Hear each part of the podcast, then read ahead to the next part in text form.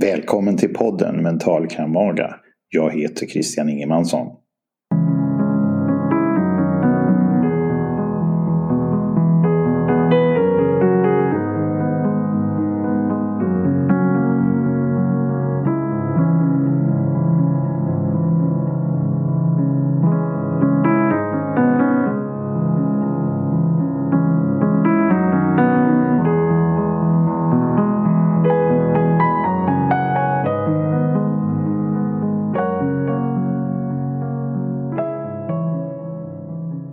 Seven Summits på skidor. Det här är del 1. Det kommer senare en del 2. Det här avsnittet kommer att handla om mindset och att få saker gjort. Det här avsnittet bygger på boken Ad Hoc Rocks. Seven Summits på skidor. Den är skriven av Martin Letster och Olof Sundström. Martin Letster har varit med i ett par poddavsnitt. Mer om honom senare här. På baksidan av den här fantastiska boken så står följande. Våren 2003 fick vi, två uttråkade 22-åringar, en idé. Varför inte åka skidor nerför Seven Summits, de högsta topparna på de sju kontinenterna? Idén var naiv, förutsättningarna dåliga och hindren många. Vi hade ingen erfarenhet, inga pengar och ingen koll. Trots det har vi fyra år senare blivit först i världen med bedriften. Hur? Svaret är inte att vi är överlägsna på att klättra eller åka skidor. Du som läser det här är sannolikt bättre på att klättra än vi. Däremot är vi bra på att få saker att hända.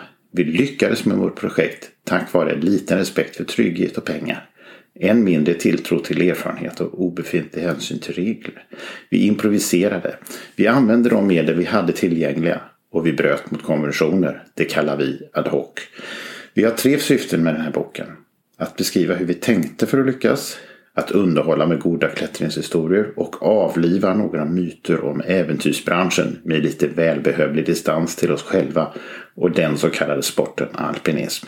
Detta är vår bok, vår historia och våra åsikter. Vi har inga spökskrivare, ingen skolning och inga ursäkter. Detta är ad hoc. Slut på citatet. Det här är en oerhört bra bok när det gäller mindset, attityder och framförallt beskrivningar och konkreta exempel på hur man får saker gjort. Det är också en oerhört bra bok när det gäller extrem kreativitet. Boken är utgiven 2007. Två vanliga 22-åringar Mm. Ja, de, de, båda två var fattiga studenter. Inga rika föräldrar, ingen hjälp eh, på det sättet ekonomiskt. Och de lyckades genomföra Seven Summits. De klättrade upp på alla bergen utan guider, utan sherpas och det gäller även Mount Everest. De åkte skidor ner, gjorde det först i världen på fyra år. En helt fantastisk prestation som fått alldeles för liten uppmärksamhet. Meningen med boken är att läsaren ska få inspiration och hjälp i, i, hur man kan tänka och göra för att förverkliga sina drömmar. Och mottot i den är citat Life rewards action. Slutcitat. Det är oerhört sant. Alla vet egentligen det här. Att det är agerandet som är nyckeln. Men det svåra är att göra det. Eller svåra, det svåra är mindset att komma in att bara kasta sig ut. Det är det som är nyckeln. Den här boken är väldigt rolig att läsa, humoristisk. Den är okonventionell. Att säga att den är tillspetsad räcker inte. Den är jävligt tillspetsad. Den är ofta humoristisk, kåserande. Och det som är så härligt med de här två ungdomarna det, det är att de driver så mycket med sig själva på ett kul sätt. Så extrema prestationer i kombination med stor ödmjukhet. Då. Och det är spännande, fascinerande och tankeväckande. Eh, det som är dåligt med boken då, det är ju framförallt titeln. Och det är himla synd. Ad hoc betyder, när man slår upp det, en improviserad lösning för ett specifikt problem. Som är och den här lösningen är temporär karaktär. Det är alltså inte en robust generell lösning som är permanent. Jag tycker ju det här med ad hoc rocks att det låter lite illa. Det låter lite intellektuellt snobbigt. Det skapar inte uppmärksamhet. Jag får intryck av att, att, att det skulle vara mer en filosofibok med ogenomträngligt språk än den här roliga, kåserande, härliga, mustiga bok som det faktiskt är. Boken är inte alls svår utan den är fantastisk att läsa. Och fokus ligger mycket på mindset. Varje gång jag läser boken så upptäcker jag nya saker. Det finns väldigt mycket att läsa mellan raderna och den triggar till nya associationer och en djupare förståelse. Och som vetgirig optimeringsnörd då är det ju svårt att sätta stopp i sin research. Men det gäller att slå bollen i mål genom att publicera avsnittet och det är precis vad jag ska göra idag. Den inställning som förmedlas är ja, idolisera inte. Sätt inte andra som klättrar upp på höga berg på någon piedestal. Lär av andra som är duktiga och som presterat men upphöj dem inte till hjältar och gudar. Jag tror det är en jätteviktig grej. Och på samma sätt att man inte låter myter och fantasier liksom spinna iväg. Hjärnan har stor tendens till det. Och, och det gäller att stoppa det där. När det gäller deras syn på hur svår är en utmaning att klättra upp för ett berg. Om man tar ner det lite på jorden så att säga. Ett berg är en hög av grus och sten. Och man tar ett steg i taget. Och har man tagit tillräckligt många steg uppåt så kommer man upp till toppen. Konstigare än så är det inte. Lös problemen du möter ett i taget. Och Martin och jag har haft många och långa samtal eh, i samband med de här poddavsnitten och, och även som vänner. Och han, han, beskriver det här till exempel på Mount Everest. Att det är inte så svårt att ta ett steg framåt hela tiden uppåt. Och många, många avsnitt är lugna. Det är så att säga transportsträckor om man kallar det så. Allt är inte storm jämt och det är inte elände jämt och det är inte incidenter jämt. Utan eh, det är ett knega på många gånger. Och det, det är att stå ut med det och att bara fortsätta och det är därför det är det som gör att man kan nå toppen. Jag känner igen det här från den här MC-turen jag gjorde till Nordkap. Att det var många långa sträckor som var transportsträckor. Men det är ju de som gör att highlightsen sen blir så coola och bra upplevelserika som de blir. Men nu fortsätter vi med Ad hoc Rocks. Eh, det är ju så att media och sponsorer kräver sensationer. Och då vill man gärna överdriva i ett sådant sammanhang hur svårt det här är. Och ett budskap som kablas ut officiellt av många på, i, i media och böcker och filmer och sånt. Till slut så tror ju människor på det här och det skapas en sanning som liksom blir mer och starkare och starkare. Och det här skapar mentala hinder. Och det är det som får de flesta att inte våga försöka.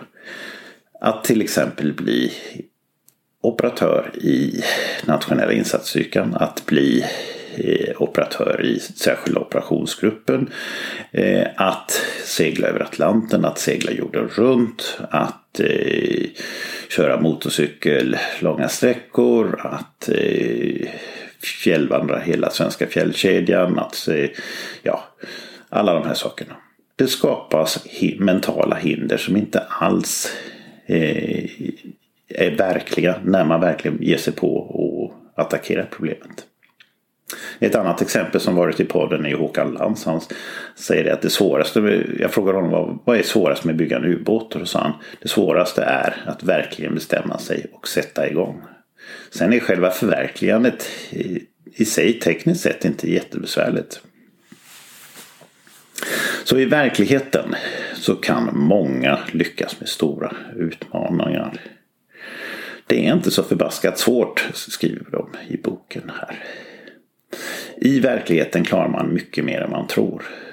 Och så lyssna inte på när andra överdriver svårigheter. Bygg istället upp din erfarenhet. Höj ribban successivt. Det som fascinerar mig det är ju att eh, Håkan Lantz, Martin och Olof att de har så stora gemensamma drag. De dras till svåra utmaningar. Det viktiga är förverkligandet och de slår bollen i mål. Var det här eh, två vanliga ungdomar, alltså Martin Lettster och Olof Sundström? Mm. Ja, vi ska titta lite närmare på det. Olof Sundström, efter gymnasiet så gjorde han militärtjänst som attackdykare. Och det är ju den mest krävande utbildningen inom kustjägeriet, numera amfibieförbanden. Och man lär sig ju där specialförbandsmindset. Man lär sig kämpa mot alla odds och rimligen är det en av förklaringarna bakom duons framgångar i bergen. Då. Efter ett år på civilingenjörsutbildning i Lund så blev Olof utbytesstudent i Schweiz. Och eh, började läsa civilingenjörslinjen där på knacket tyska. Samtidigt så läste han civilekonom på distans, båda fulltid. Och jobbade som assistent åt en professor. Det blev 120 skiddagar. Det var väldigt dyra liftkort. Fottransport var gratis så det blev fottransport gå upp på bergen, åka skidor ner och så småningom så utvidgades det hela till klättring. Kör till berget på morgonen, gå upp en bit, tälta, gå till toppen nästa dag och skidor ner, drick öl och mår bra. De skriver så roligt i boken att de inte förstår varför de kunde sluta med, varför de slutade med denna trevliga form av alpinism. Eh, Olof ville då maxa tiden i bergen så han minimerade tiden på universitetet och läsningen. Han nöjde sig under den här perioden med att bara göra så långt han klarade alla tentorna och CSN. Det här draget, att vara så fokuserad och kunna göra det, det tolkar jag som att han är mycket målinriktad. Han är väldigt bra på att få saker gjort. Och han är i väldigt högpresterande. Martin Letzter då? Jo, han pluggade heltid psykologi och heltid ekonomi samtidigt. Alltså även han eh, dubbla takten på, på eh, studierna. Och han undervisade i statistik på Stockholms universitet och spelade rugby på elitnivå. Allt det här talar för mig om att han är målinriktad och högpresterande och i många timmars samtal med honom så framkommer det här eh, dragen då. Martin har varit med i podden i avsnitt 20. Det är om, eh, om honom och hans liv. Och i avsnitt 40 så pratar vi om hur man förverkligar projekt och drömmar. Och jag tror att det för många finns många matnyttigheter som Martin bjuder på i de här två avsnitten. Så lyssna gärna på dem. Alltså två högpresterare bildar ett team. Båda klarar då mer än dubbla heltidsstudier och båda är fysiskt vältränade. En attackdykare och en elitspelare i rugby. Det blir ett superteam. Jag frågar Martin om betydelsen av att vara i ett team. Och eh, inför det här avsnittet. Som, och då säger han att det är helt avgörande. När en är stark och den andra har en mental svacka så är det den med mest motivation och optimism mot målet som får dra. Jag visste om det här när vi gjorde den här Nordkapresan så jag berättade det för, för Magnus och vi körde det och det funkade väldigt bra. Alltså, vi, vi, den som var stark mentalt för tillfället fick dra. Den som hade den mest äventyrliga idén, den fick vinna.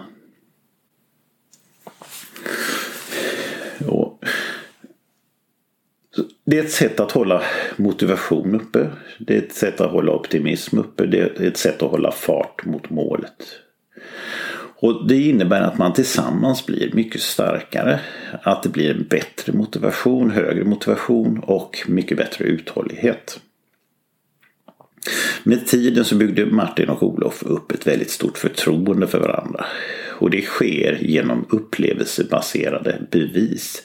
Inte genom tomma ord och sånt här utan det måste ske upplevelsebaserat. Som i ett SIL-team, som i ett bra äktenskap. Jag kan se den här mekanismen inom många områden.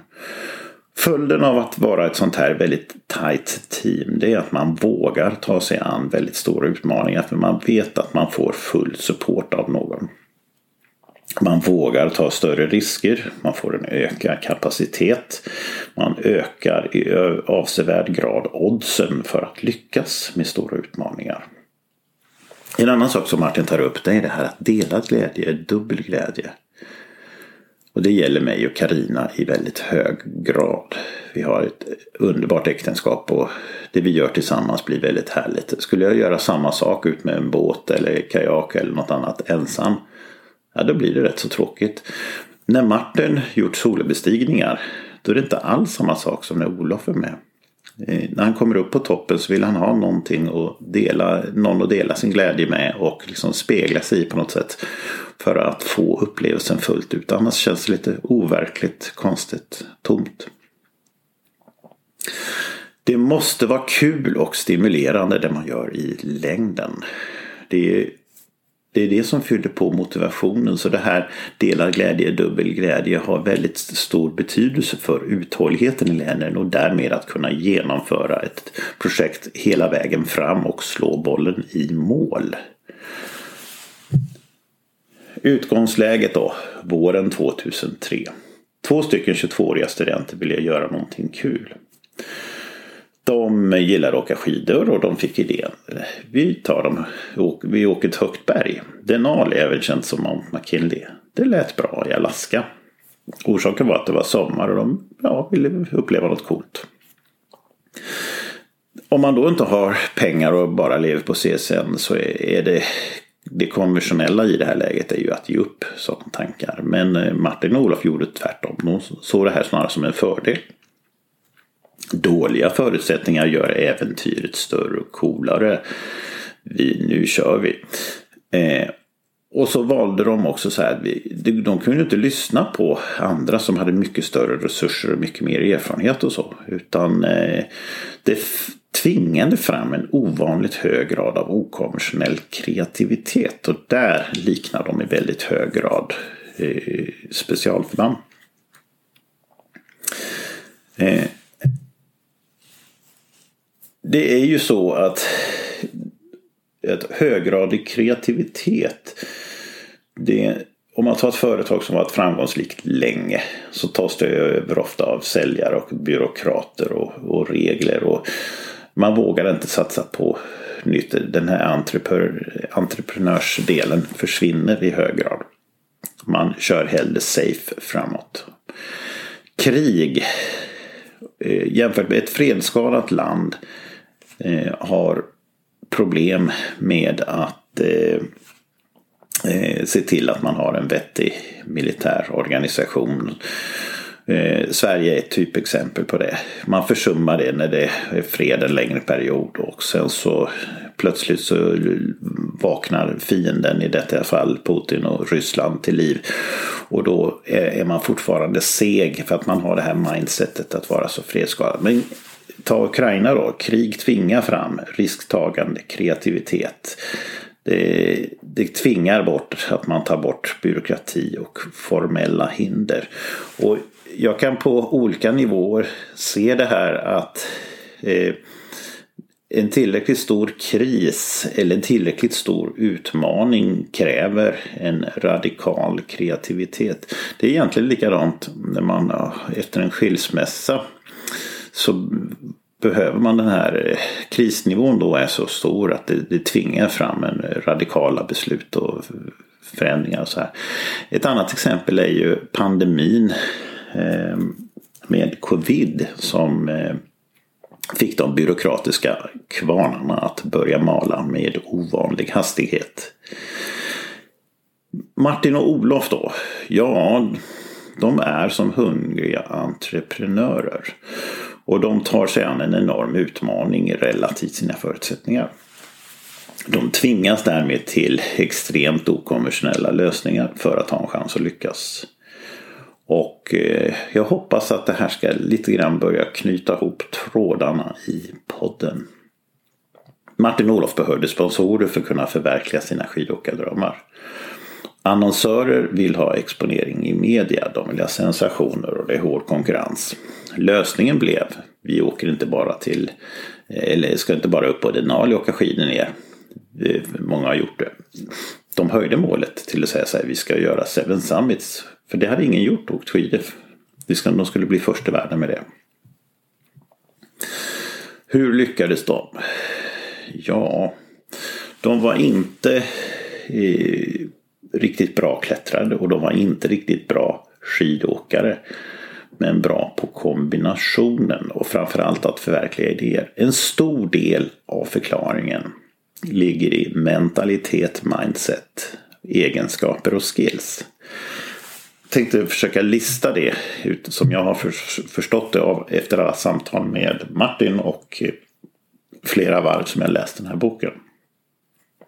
För det första, stor beslutsamhet. De dras till svåra projekt och höga mål. De bestämmer sig för ett projekt och sen så existerar inte beslutsångest eller velighet längre utan det är det är målet som gäller. Och så de håller fast med det tills de är i mål. Extremt fokus och envishet. I många fall tror jag att ett tärningsbeslut kan hjälpa till om man har problem just det här. Om man vill kliva upp på tre höga berg någonstans Eh, och inte vet vilket eller i vilken ordning så är det låt slumpen välja. Olof och Martin är väldigt bra på att få saker att hända. De är eh, riktiga doers. Eh, de är precis motsatsen till drömmare, planeringsnördar och optimeringsnördar. Om de får en bra idé. Vi gör det nu. Det här är typiskt. Eh, när Håkan Lans eh, träffade Steve Jobs så eh, hade Steve Jobs precis den e-, egenskapen. När han fick höra en bra idé mitt under ett möte så kunde han säga vi startar med den här idén. Vi gör det nu. Och det här är väldigt typiskt för entreprenörer. Martin och Olof valde att satsa fullt ut. De hade mycket tid att lägga in. De var beredda att satsa hårt arbete och de kunde acceptera stora risker. Detta som kompensation för att de hade väldigt begränsat med pengar och erfarenhet. De drevs av en stark längtan efter spänning och upplevelser. Då då, enligt Martin nu, så hjälper en ungdomlig naiv äventyrslust till i väldigt hög grad. Och det är säkert inte en slump att, eh, att det är unga människor mellan 20 och 30 år som gör eh, flera av de här riktigt stora ut, utmaningarna. De hade en intressant inställning till målet. De ville ha äventyr för sitt eget nöjes skull. Inte för att rädda världen eller bli kända eller eh, Eh, så. De ville testa sig själva fullt ut. Det var en längtan efter spänning, dramatik, prestationer och upplevelser. Alltså kärnan i äventyret. Inte den yttre belöningen utan intrinsic motivation om man nu ska uttrycka sig som de gör i de amerikanska fina böckerna. Så målet var inte att tävla med andra om ära, berömmelse eller status. Inte att bli omtalade rockstjärnor bland klättrare och äventyrare. Det var viktigt för dem att det var ett tillräckligt stort mål. Så att det blev starkt inspirerande. Ett riktigt stort mål som man bestämmer sig för att jobba mot. Det är ju en dröm som man förverkligar. Och doers börjar på en gång med att förverkliga den. Första toppen de gav sig på Denali 6193 meter över havet. Hemligheten för att lyckas med det på studentbudget var eh, att inte planera så mycket. Nödvändigheten av att inte planera talar de om i det här kapitlet och det är ju då en tillspetsad formulering. Lite mer nyanserat då, det är ju så här att planering ska vara en hjälp, inte ett hinder.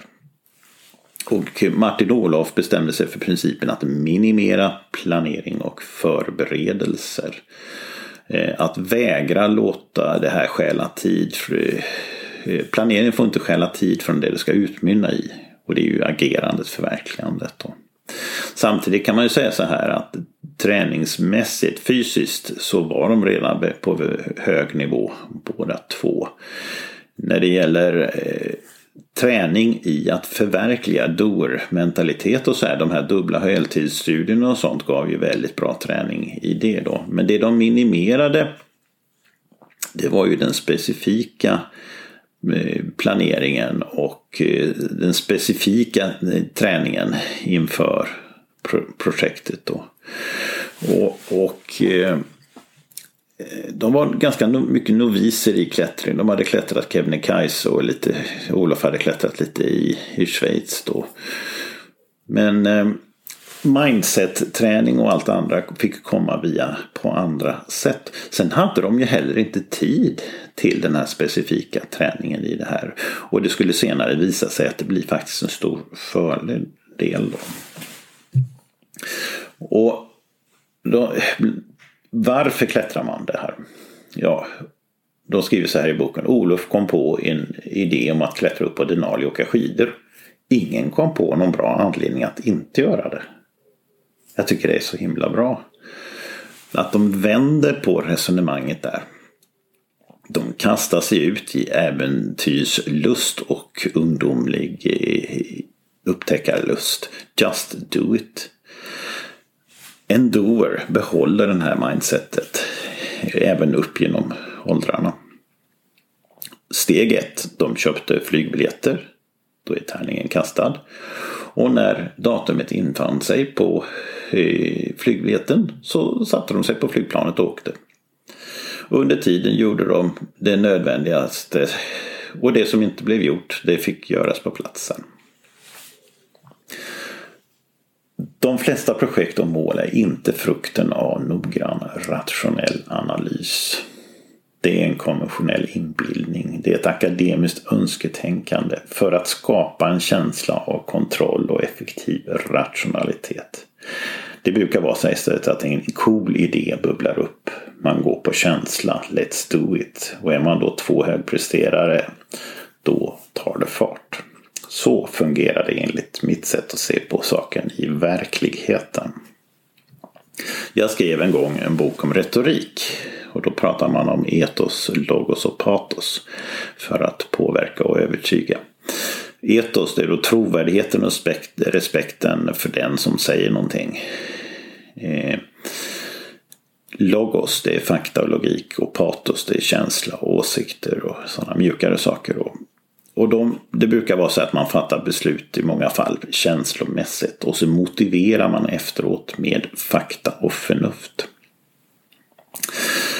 Fakta och logik räcker inte till i komplexa situationer och system. Fakta och logik räcker inte till om det är ett område som man inte har sysslat med tidigare. För man har inte tillräcklig erfarenhet för att kunna göra bedömningar.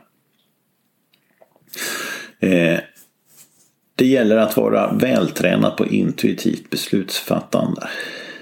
För att eh, komma vidare när, när det är ett nytt område.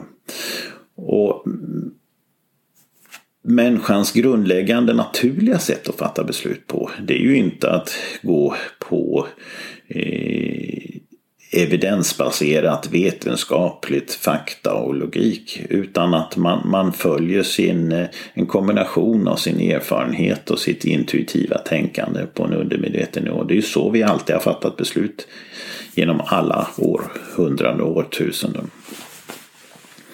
Om vi då tar Martin han var då elitspelare i rugby, så i bra fysisk form, men han hade aldrig klättrat. Och då skriver de i boken så här, sådana små detaljer är inte viktiga. Teknik lär man sig snabbt. Och det viktiga är rätt inställning och pannben. Och det här har jag pratat med många i podden om. Det här med mindset och pannben och, och sånt. Eh, till exempel med Toto, världsmästare i kickboxning ett flertal gånger. Han säger så här att, att eh, en del är påverkningsbara när det gäller mindset. Medan andra är, är det inte. Så för hon, när han ska välja någon, eh, satsa på för tävlingar och sådär, så är mindset det absolut viktigaste. Och det är inte säkert att det är träningsbart. Men du som individ, jag som individ, har ju full eh, möjlighet att ändra på det. Men det går inte att ändra på mindset och sånt genom yttre, vad ska vi säga, övertalning, påverkan. Eh, utan det måste komma inifrån att man verkligen vill det. Och enligt mitt sätt att se på det så behöver man ha upplevelsebaserade bevis på att det nya sättet är bättre och fungerar än det gamla.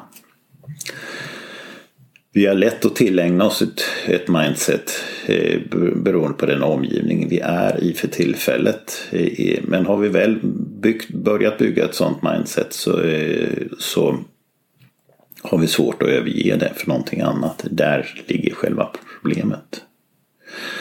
Jag tror att människan är född med en nyfikenhet. Vi har en längtan efter upplevelser och spänning. Och det här ökar i ett team. Teamet skapar trygghet och större gemensam förmåga.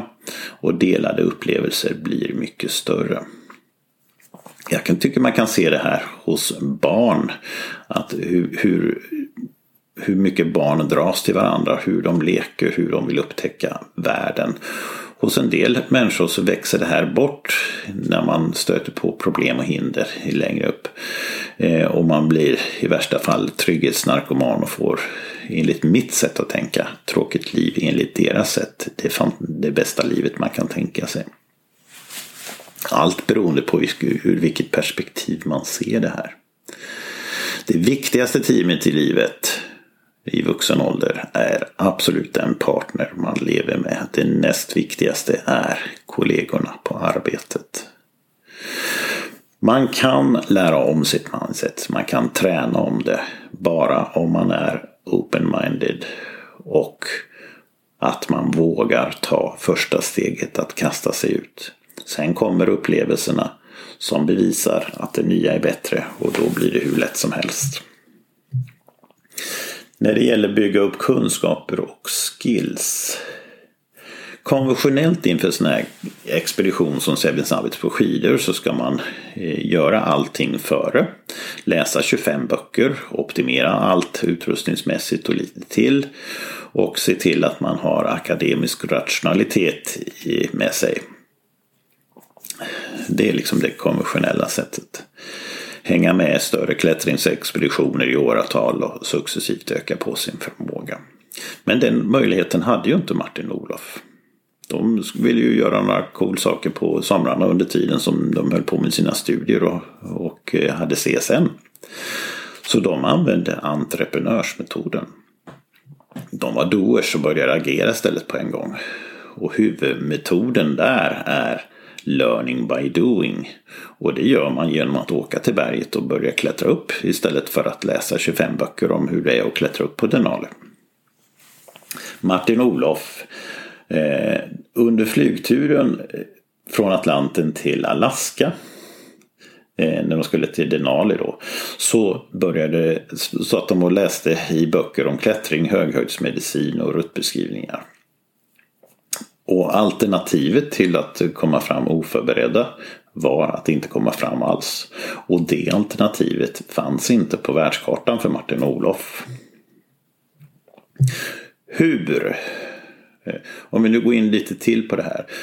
De ska är väldigt mycket inne på det här att den, den, fundamentala insikten i det här, en fundamental insikt i projektet var det här att planering ska vara en hjälp och inte ett hinder. Tala om det för en byråkrat. Eh, det får ju aldrig ta kraft och tid från det planeringen ska utmynna i. Då ska man helt enkelt sluta planera. Om inte planeringen är det viktigaste målet i sig naturligtvis. Det finns så mycket man kan planera, förbereda, omfallsplanera. Eh, att man behöver till slut inte göra något eh, förverkligande därför att all tid i livet framöver kan gå, eh, användas till det här. Och överdriven planering det utmynnar i att ingenting någonsin blir gjort. Att minimera planering är därför en oerhört effektiv strategi. Att inte överdriva spekulation kring inbillade scenarier och problem. Maxa istället agerandet och konkret problemlösning. Skaffa egen personlig erfarenhet. Jag eh, är mycket inne för det här att eh, lös problemen när de uppstår, när de kommer. Lägg inte en massa energi på, för, på allt, till exempel på motorcykeln. Vad kan gå sönder på den? Om jag skulle hålla på och spekulera i all evighet om det. Det är massor med saker som teoretiskt sett skulle kunna eh, gå sönder. Man kan få en spik i däcket. Nu fick Magnus det. Men det gick bra i alla fall. Och, och det, det är massor med saker som kan hända. Men om någonting händer så får man väl ta tag i det då. Sen gör man ju service innan man åker iväg på långtur och, och, och sådär. Men att inte slösa energi eller grubbla för mycket på potentiella problem. Det är viktigt. Njut här och nu istället. Det är precis samma sak i ett äktenskap. Lös problemen när de uppstår. Och det viktiga med det här det är att om man bara kastar sig ut i just do it mentaliteten. Det är att man upptäcker att man klarar mycket mer än man tror. När man blir specialförbandsoperatör av olika slag och så, här, så brukar man ha det här Baskerprov och Hellweek och den typen av saker. Meningen med den typen av utmaningar det är att få uppleva att man faktiskt klarar mycket mer än vad man tror. På sidan 8 så står det så här citat. Vi har märkt att många människor ser drömmandet och planerandet som viktigare än att faktiskt eh, genomföra något i verkligheten. Slutcitat. Att drömma, fundera och spekulera. Att göra listor, att förbereda alternativ, att undersöka förhållanden. Att googla reviewer på utrustning och ta råd från många olika källor. Det leder förresten till att man får motstridiga råd och det blir ett helvete. Och så köper man massa coola prylar. Eh, och så tränar man på skills. Martin och Olof tyckte det här i början var väldigt frustrerande. De tyckte det var oerhört märkligt. Varför gör människor så här? Varför kommer de inte iväg? Stick iväg bara. Men sen insåg de då att drömmandet är för många mycket viktigare än genomförandet. Och som de skriver, inget fel i det. Man gör det man är intresserad av. Och är målet att drömma så förverkligar man ju det målet genom att hålla på och drömma och akta sig för agerandet, förverkligandet. Dessutom blir det ju mer plats över, skriver de, för oss som faktiskt får tummen ur. De skrev en sak som jag tyckte var oerhört rolig där och det var att, att eh, tänk, de fick invändningen tänk om, om alla skulle göra som ni. Alltså klättra Seven Summits och åka skidor ner. Och då konstaterade de att det skulle bli väldigt tomt på många resorter runt om i världen. Eh, och det andra var att det skulle bli oerhört många som körde Land Rovers till eh, Tibet. Och eh, det skulle bli oerhört trångt på bergen.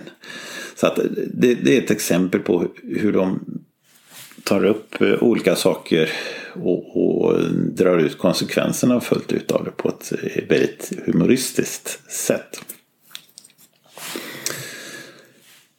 Jag tror att vissa gillar väldigt mycket planering i sig och gör det till en hobby. Och jag funderar på varför. Jag tror att det, det, kan vara tre, tre olika komponenter i det här. Det ena är att man har svårt för att fatta ett beslut. Det är detta mål som gäller nu och stå fast vid det. Man velar mellan olika mål, ofta för att man vill optimera. Ska jag åka till Nordkap eller Gibraltar eller något annat ställe och så fastnar man i, i, i det här och så blir det inte att man åker inte utanför Blekinge sen. Det andra är att man har problem med själva förverkligandet. Att, att man blir stressad av det eller inte har skillsen, förmågan. Eh, det, det gäller att lära sig att vara i action mode fullt ut. Och inte, inte tänka bakåt och inte tänka framåt utan bara fokusera fullt på det problem som man har just framför sig. Den mikroutmaning som ligger idag och så göra det. Och det tredje är vanan att verkligen ta projekt i mål. Eh, så att man inte ger upp efter ett kort tag.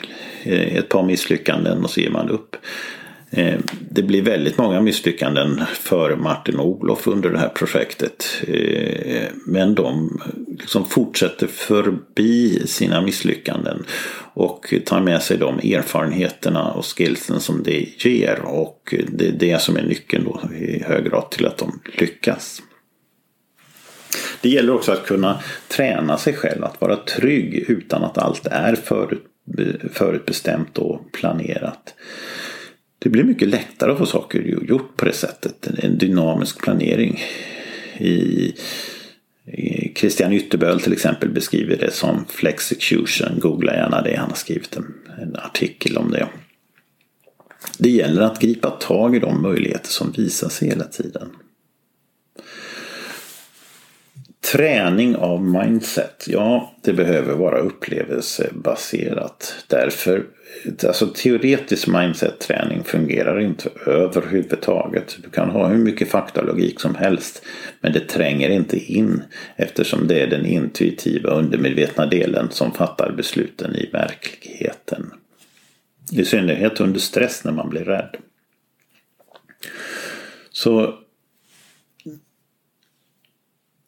Kärnan i byråkratisering det är att försöka bygga bort osäkerhet och få ett tryggat utfall. Men det fungerar inte i en komplex värld eller ett nytt område. Det fungerar bara när allting är känt.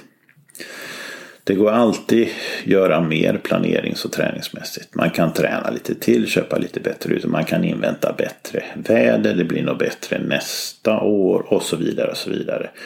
Håller man på sådär så blir ingenting gjort. Det är också otroligt få saker som inte kan lösas på plats under vägen. Jag vandrade upp till Everest Base Camp vid ett tillfälle. Tänk om man är född i Katmandu och vill vandra till Everest Base Camp. Det är väl knappast rimligt att man behöver åka till Karlskrona och ägna lång tid åt förberedelse där och eh, köpa utrustning av olika slag och sådär innan man åker till eh, Katmandu. Det visar sig nämligen att i Katmandu finns all upptänklig utrustning man behöver. Och de, så att det mesta kan lösas på plats faktiskt. Eller rättare sagt, i princip allt kan lösas på plats. Det riktigt viktiga behöver man inte skriva upp, skriver de i boken, Olof och Martin. Det är ett roligt sätt. Det är en slags tvärtom-regel. Men den är ju himla sann om man bara tänker på den minsta logiskt. Man glömmer ju inte det som är riktigt viktigt. Eller hur? En liten kommentar från min sida i det här är att en resa, ett äventyr, en utmaning blir ju roligare utan överdriven planering. Eh, dels blir äventyret och upplevelserna större och sen så ökar det också chansen till att opportunistiskt gripa tag i alla möjligheter som uppstår. Det finns då olika sätt att resa på. Man, ja, på den här Everest Base Camp-vandringen var eh, en guidad tur. Man kan resa på egen hand men och följa en rigid detaljplanering. Eller man kan resa på egen hand och ta dagen som det kommer. Karina lärde mig det, min hustru, eh, fullt ut. Och när man väl lärt sig det sättet, då det är så man blir en skicklig opportunist. Ibland går, gör man misstag. Det blir erfarenhet och lärdomar som verkligen sätter sig. Allt fler gånger med tiden så går saker och ting bra. Oförutsedda incidenter Saker som går katastrofalt fel men mirakulöst löser sig. Enligt Olof och Martin, det är det man kommer ihåg. Det är det man berättar för barn, barnen. Det är det man skriver i, i boken Ad hoc Rocks. Det gäller att anstränga sig kraftfullt för att hitta kreativa lösningar istället för att bara ge upp. Entreprenörer är problemlösande doers. Ingvar Kamprad. En gång i tiden när Ikea var ungt företag så blev det en möbelblockad från tillverkarna. Man vägrade sälja till Ikea. Vad gjorde Ingvar Kamprad då? Jo, han började designa och tillverka egna möbler. Och efter ett tag blev han ganska bra på det. Eh, på sidan 10 så finns det ett, ett, ett litet citat som jag vill berätta för er här. Eftersom ett bra tillfälle sällan kommer åter gäller följande. Ser man en möjlighet, om aldrig så liten, så är det ofta en bra idé att ta den. Sannolikheten att man får en ny chans är liten. Att den kommer vid ett tillfälle som passar bättre är obefintlig. Slutcitat. När man frågar gamla människor det är mycket få som ångrar vad de gjort. Det man ångrar det är det man inte gjort. Drömmar som förblev drömmar och inte förverkligades. Man rationaliserar ofta tills man hittar anledningar till varför det blev bra till slut. Men egentligen tror jag att man hade velat leva ett mer äventyrligt, omväxlande, spännande liv med både toppar och dalar i en härlig mix. Berget Denali, hur gjorde de? Jo, planen eh, man tog ett flygplan eh, med skidor under. Eh, och landade på ett snöfält. Annars tar det veckor att ta sig dit. De var där sent på säsongen på grund av en tentaperiod. De gjorde en materialgömma på en glaciär. Det var inte riktigt optimalt för den visade sig senare flytta sig när glaciären rör sig. De hade ingen optimal packlista, hade alldeles för mycket saker med sig. De eh, eh hade inte optimerat eh, klättringsträning och så vidare men började gå med toppen. Så råkar de ut för århundradets eh, snöstorm i fem dygn. Översnöade. Det blev extrem lavinfara. De började packa ihop för att ge sig av hemåt och plötsligt så går en enorm lavin. Och den passerar 50 meter från herrarna Martin och Olof. Vad gör man då när lavinen har gått? Jo, då konstaterar man att nu är det ju inte längre lavinfara uppåt. Så då, istället för att vända hemåt, så vände de mot toppen och tog chansen och gjorde det. Vad var lärdomarna efter Denali då? Jo, de hade gjort alla konventionella fel man kunde göra. Ignorerat goda råd, dåliga råd och övriga upplysningar. Och i så stor utsträckning som möjligt struntat i att planera på ett vettigt sätt. Och så skriver de så här, citat. Men livet är inte rättvist. Vi nådde målet och vad värre var, vi hade fått mer smak. Slutcitat. Lärdomar enligt mig då, som kan föras över till livet. Det är att traditionellt så säger man så här, för att få ett bra liv, jobba mycket och spara, helst till 67 år ålder. Istället för att maxa upplevelser här och nu. Paddla kajak runt Sverige, kanske i etapper. Var skiband ett par säsonger om det är kul. Vandra hela Kungsleden. Cykla till Nordkap om du är student och på CSN. Var backpackare en tag och jorden runt. Du skapar det liv du får. Du skapar innehållet och meningen. Det finns fällor som det gäller att inte fastna i. Och det är den här samhällstraditionerna, konformitet. Om det inte överensstämmer med hur du är så, så gäller det att bryta med det här. Om du hamnat i umgänge med fel personer som inte passar dig mindsetmässigt då gäller det att sluta umgås med dem. Därför att man tar automatiskt Eh, efter de, det, det, mindset man ser hos i omgivningen. Och det här går långsamt, långsamt så programmeras man om. Millimeter för millimeter. Det här är en allvarlig fälla.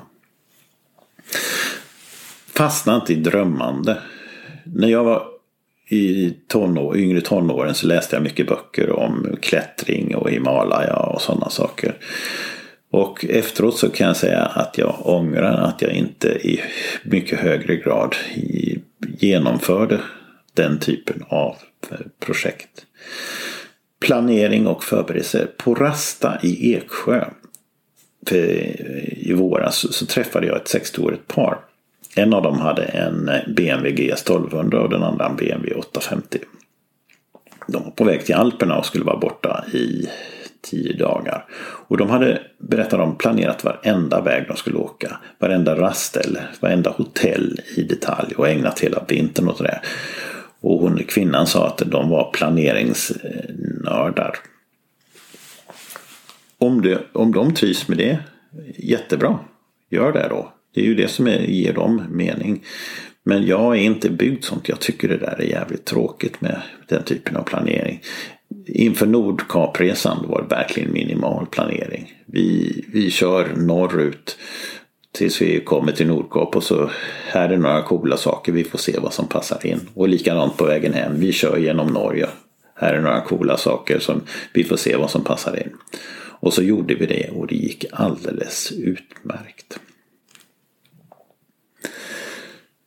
Bestäm dig för en spännande utmaning.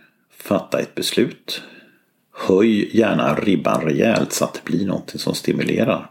Hitta en likasinnad när det gäller mindset. I mitt, I mitt fall är att leva ihop med Karina är fantastiskt. Kasta dig ut i genomförandet.